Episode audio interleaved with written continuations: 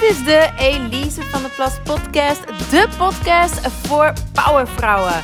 Voor vrouwelijke ondernemers en carrièrevrouwen die op alle vlakken zielsgelukkig willen zijn. Persoonlijk, romantisch en professioneel. Let's do it! Yes, yes! Welkom bij weer een aflevering. Ik uh, neem deze aflevering op op Tessel. Mijn uh, tante heeft hier een eigen huisje, heerlijk in het groen. En ik heb net een heel fijn weekend gehad met twee vriendinnen van mij, Tweta en Ke. Zij zijn gisteren vertrokken en ik ben hier nog uh, twee dagen langer om uh, lekker te werken tot mezelf te komen, te rusten, een beetje vintage te shoppen, te fietsen en dus ook een podcast op te nemen. Ja, ja.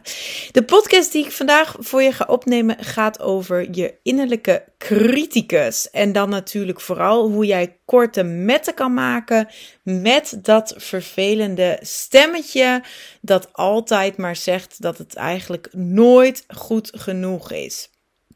Ik uh, vertelde laatst op mijn stories heel even over hoe ik omga met mijn innerlijke criticus. En ik vroeg toen of er interesse was voor een aflevering over dit onderwerp. Nou, maar liefst 100% van de stemmers klikte op ja. Maak daar alsjeblieft een aflevering over. Dus bij deze. Ik zal in deze aflevering drie tips met je delen. Let's start. Nou, allereerst wel even belangrijk om te weten wat die innerlijke criticus of innerlijke saboteur nu eigenlijk is. Ik zei het net al, dat stemmetje. En jij herkent haar of, of hem. Misschien is het in jouw hoofd wel een mannelijke stem. Bij mij is het een vrouwelijke stem. Um, je herkent dat vast wel als het stemmetje in je hoofd. Nou, dat stemmetje heeft iedereen. Alleen bij de ene persoon is die veel luider dan bij de ander. En dat heeft onder andere te maken deels met jouw uh, genetische profiel, met jouw genetische blueprint, um, jouw aangeboren persoonlijke kenmerken. Maar het heeft daarnaast ook te maken met wat jij in je leven uh, meemaakt. Dus het is enerzijds een beetje nature en nurture, zullen we maar zeggen. Maar iedereen heeft dus wel degelijk die innerlijke criticus. Nu, als jouw innerlijke criticus heel, heel sterk aanwezig is, dan kan het nu zelfs zijn dat jij denkt, nou, een stemmetje, eh, volgens mij is het helemaal geen stemmetje, volgens mij ben ik gewoon zo. Uh, volgens mij ben ik gewoon onzeker. Hè, volgens mij voel ik me gewoon ja, eigenlijk altijd niet heel goed. Um, maar ik wil je maar echt meegeven: het is niet wie jij bent. Het is iets dat jij in je hebt. Hè? Dus het is een, een deel van jou in jouw brein. Maar het is niet wie jij bent in jouw kern. Het deel van jouw brein dat ik nu benoem als jouw innerlijke criticus, dat wordt ook wel jouw reptielenbrein genoemd. En dat reptiele brein dient om jou te beschermen tegen afwijzing. Het wil dat jij in de groep past. Dus ze is als het ware het commentaar en de kritiek van de buitenwereld een stapje voor. En een van haar favoriete vragen is dan meestal ook: wat zullen anderen wel niet denken? Want het is haar angst dat anderen jou niet goed genoeg zullen vinden. En ze wil eigenlijk zorgen dat je niet gekwetst wordt. Door alles heel goed te doen in het leven. Uh, en op die manier gaan anderen jou dan geweldig vinden. Dat denkt ze. Nou, ze pakt dit nogal lomp aan. En daardoor bewerkstelligt ze eigenlijk het tegenovergestelde. ze bewerkstelligt helemaal niet dat jij het goed doet in het leven. Ze maakt je namelijk zo ontzettend onzeker en jouw zelfliefde en jouw eigenwaarde daalt zo ontzettend dat jij je door haar juist altijd tekort voelt schieten en dus ook niet jouw beste leven leidt. Kortom, de innerlijke criticus is kort gezegd de bron van een gebrek aan zelfvertrouwen. Zij is de bron voor een gebrek aan zelfvertrouwen. Door haar twijfel je namelijk continu aan jezelf en durf je dus niet op jezelf te vertrouwen.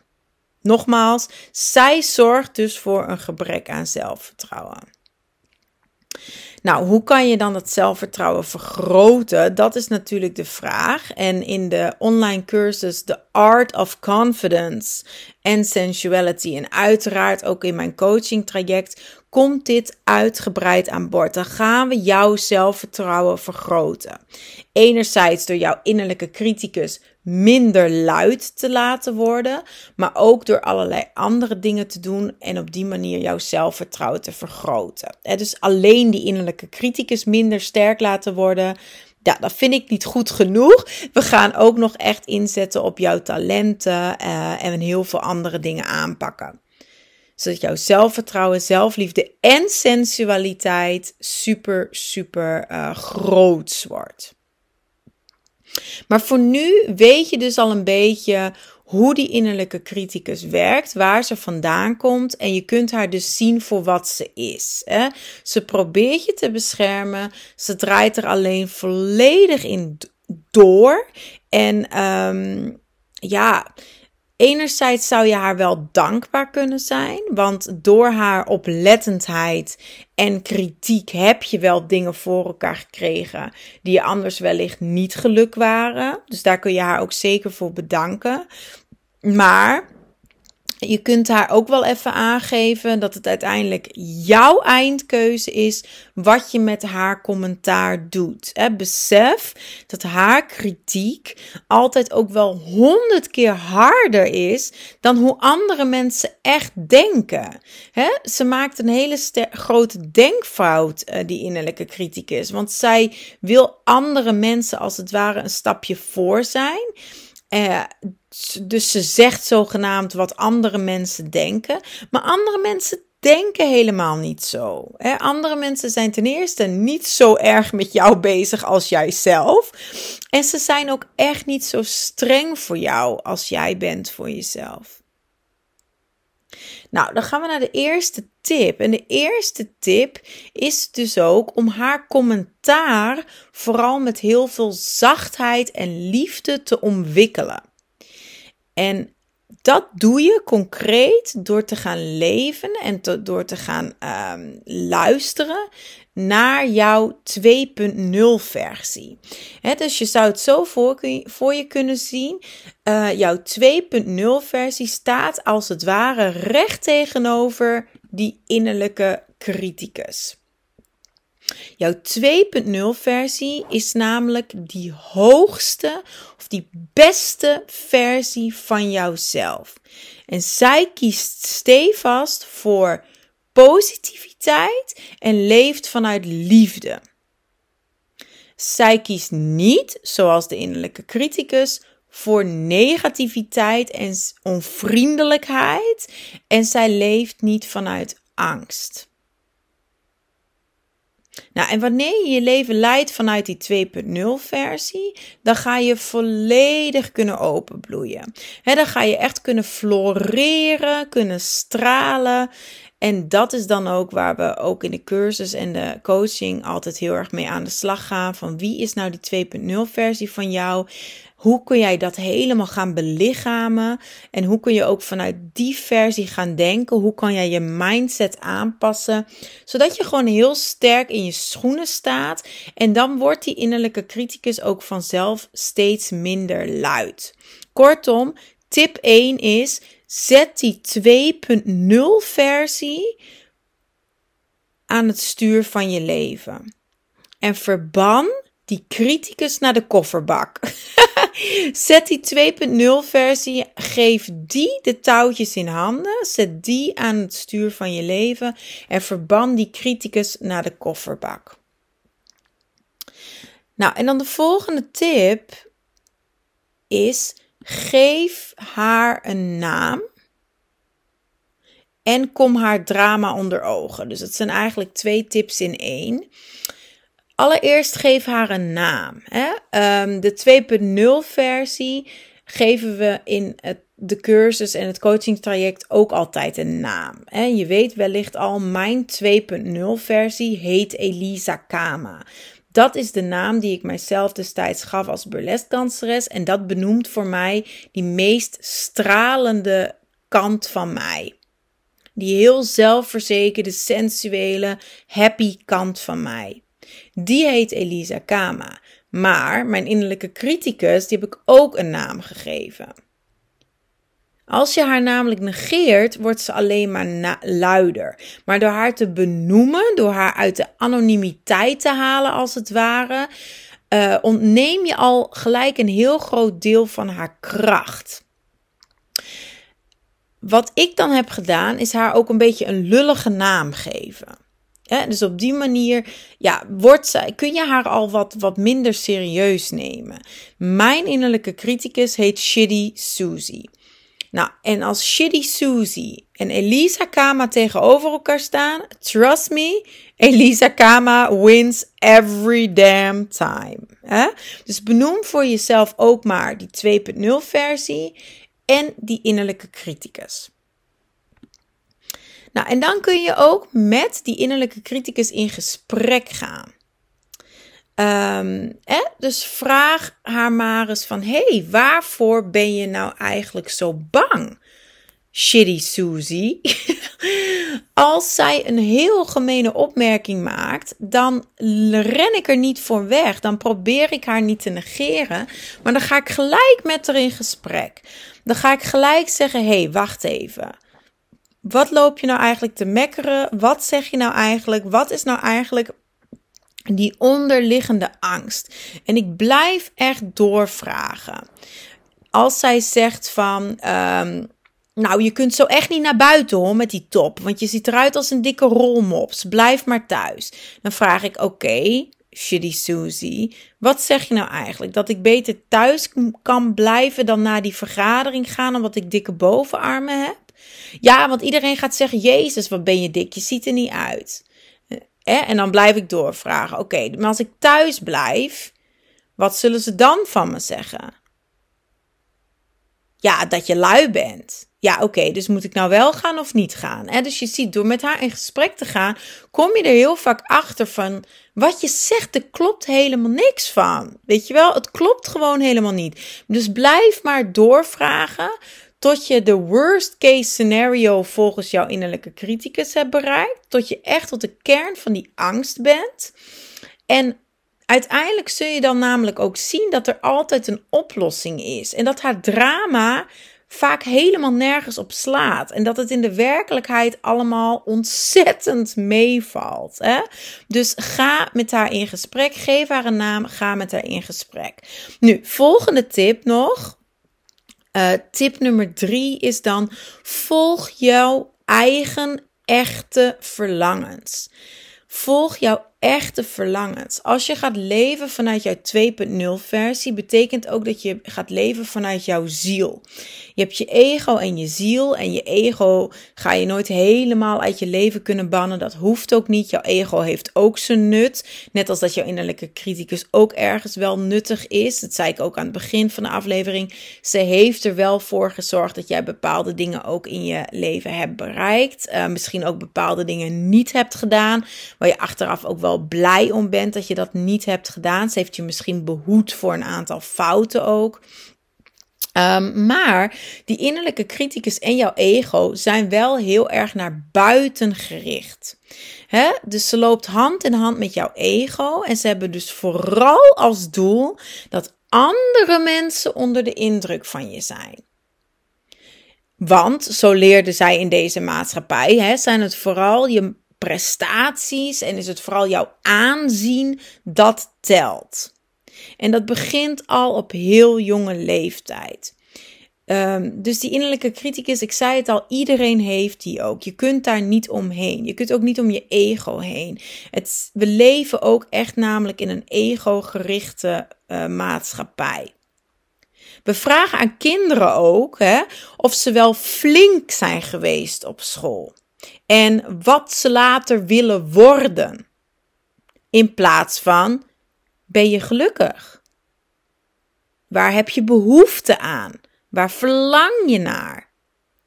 En zo word je van jongs af aan eigenlijk al ingeprent hoe belangrijk het is om te presteren en in de smaak te vallen bij anderen. En dat dat eigenlijk prioriteit heeft boven wat jij echt wil en waar jij echt gelukkig van wordt. Terwijl dat is waar het echt om draait in het leven. De dingen doen waar jouw hart een sprongetje van maakt. De dingen doen die echt bij jou passen. Volledig jezelf worden, ongeacht wat een ander daarvan denkt. Dus vraag jezelf maar eens af. Na deze aflevering, ga er eens voor zitten en vraag je af: wat wil jij vandaag doen? Waar heb je behoefte aan? Waar heb je behoefte aan? En laat je innerlijke criticus, laat je ego daar geen stokje voor steken. Wil jij dansen? Wil jij strippen? Wil jij je ontslag geven? Wil jij gewoon heel de dag rusten? Doe dat dan. Luister naar waar jij behoefte aan hebt en gun jezelf dat. Heel veel vrouwen, als ze willen rusten, is ook zoiets, dan komt gelijk die innerlijke criticus naar boven. Je bent lui. Je hebt het nog niet verdiend om te rusten. Je hebt nog zoveel te doen. Doe eerst de was. Hoe kun je daar nou zitten als een plofkip op de bank terwijl de afwas daar nog staat? Wat gaat je man wel niet denken als hij straks thuis komt? Wat gaat je moeder niet denken als die onverwachts langskomt? Hè? Dus alsjeblieft, luister naar wat jij echt heel graag wil doen, waar jij behoefte aan hebt en doe dat. En laat je geen angst inboezemen door die innerlijke criticus, maar volg je hart, ga leven vanuit die ziel en trust me, het leven wordt echt een stuk lichter en leuker en je zelfvertrouwen gaat heel snel toenemen. Want je zelfvertrouwen is voor een heel groot deel gebaseerd op het feit dat jij trouw durft te zijn aan wie jij echt bent. Zelfvertrouwen. Het woord zegt het heel mooi. Hè? Het heeft allemaal te maken met vertrouwen. Het heeft te maken met durven vertrouwen op jezelf. Dus als jij zegt: Ik ga morgen ehm, lekker de natuur in, want ik heb daar behoefte aan en je doet het niet, dan neemt je vertrouwen in jezelf af. Dus het heeft enerzijds te maken met: kan ik op mijzelf vertrouwen? Is mijn woord aan mezelf iets waard? Maar anderzijds heeft het ook te maken met trouw durven zijn aan wie jij echt bent. Durf jij te gaan staan voor wie jij echt bent, voor waar jij in gelooft, voor wat jij wilt doen? Ehm, ja, eh, durf jij jezelf dat te geven? Durf jij die grenzen ook aan te geven? Nou, ik hoop dat deze tips je hebben geholpen. Ik hoop uh, echt dat jij uh, ja, meer kennis hebt nu over je innerlijke criticus en ook wat je kan gaan doen om die stem van die innerlijke criticus wat minder luid te laten zijn in jouw hoofd, zodat het een stuk mooier kan worden daar in jouw brein. Want veel in je hoofd zitten is op zich helemaal geen ramp. Um, maar zorg dan wel dat het hoofd van jou een leuke plek is om te zijn. Hey, en wat ik je ook nog wil meegeven is natuurlijk dat als je het vertrouwen in jezelf graag wilt vergroten en als je dus met meer lichtheid en plezier door het leven wil gaan en als je ook wil uitgroeien tot die 2.0 versie van jezelf, dan ontvang ik je uiteraard heel graag in de online cursus, The Art of Confidence and Sensuality. Uh, je kunt nu trouwens al instappen voor maar 29 euro. Er is een nieuw betaalplan. Uh, eerst was het enkel dat je in één keer kon betalen, maar je kunt nu ook 29 euro per maand betalen. Nou, wat heb je nog tegenwoordig voor 29 euro per maand? Uh, bijna niks, denk ik. Maar wel mijn cursus. Ah, toch? Dus um, ja, je zelfvertrouwen en je sensualiteit vergroten voor 29 euro per maand. Uh, het lijkt me de beste investering die je ooit in jezelf hebt gedaan. En je gaat dit echt tienvoudig terugverdienen. Um, daar ben ik zeker van. Je vindt alle informatie via Elise met een Z. EliseVDPlus.com. Als je nog vragen hebt over de cursus, dan uh, mag je me natuurlijk altijd ook een berichtje sturen via sociale media. Uiteraard ook als je een vraag hebt over het coaching traject of interesse hebt om één op één door mij gecoacht te worden. En wilt weten of we een match zijn, Spreek me gerust aan. Via de website kun je trouwens ook een gratis call in plannen. Nu, je vindt me overal op sociale media, van LinkedIn tot Facebook. En altijd via Elise VD Plus. Dat was hem voor deze week. Heel graag tot volgende week. Bye bye.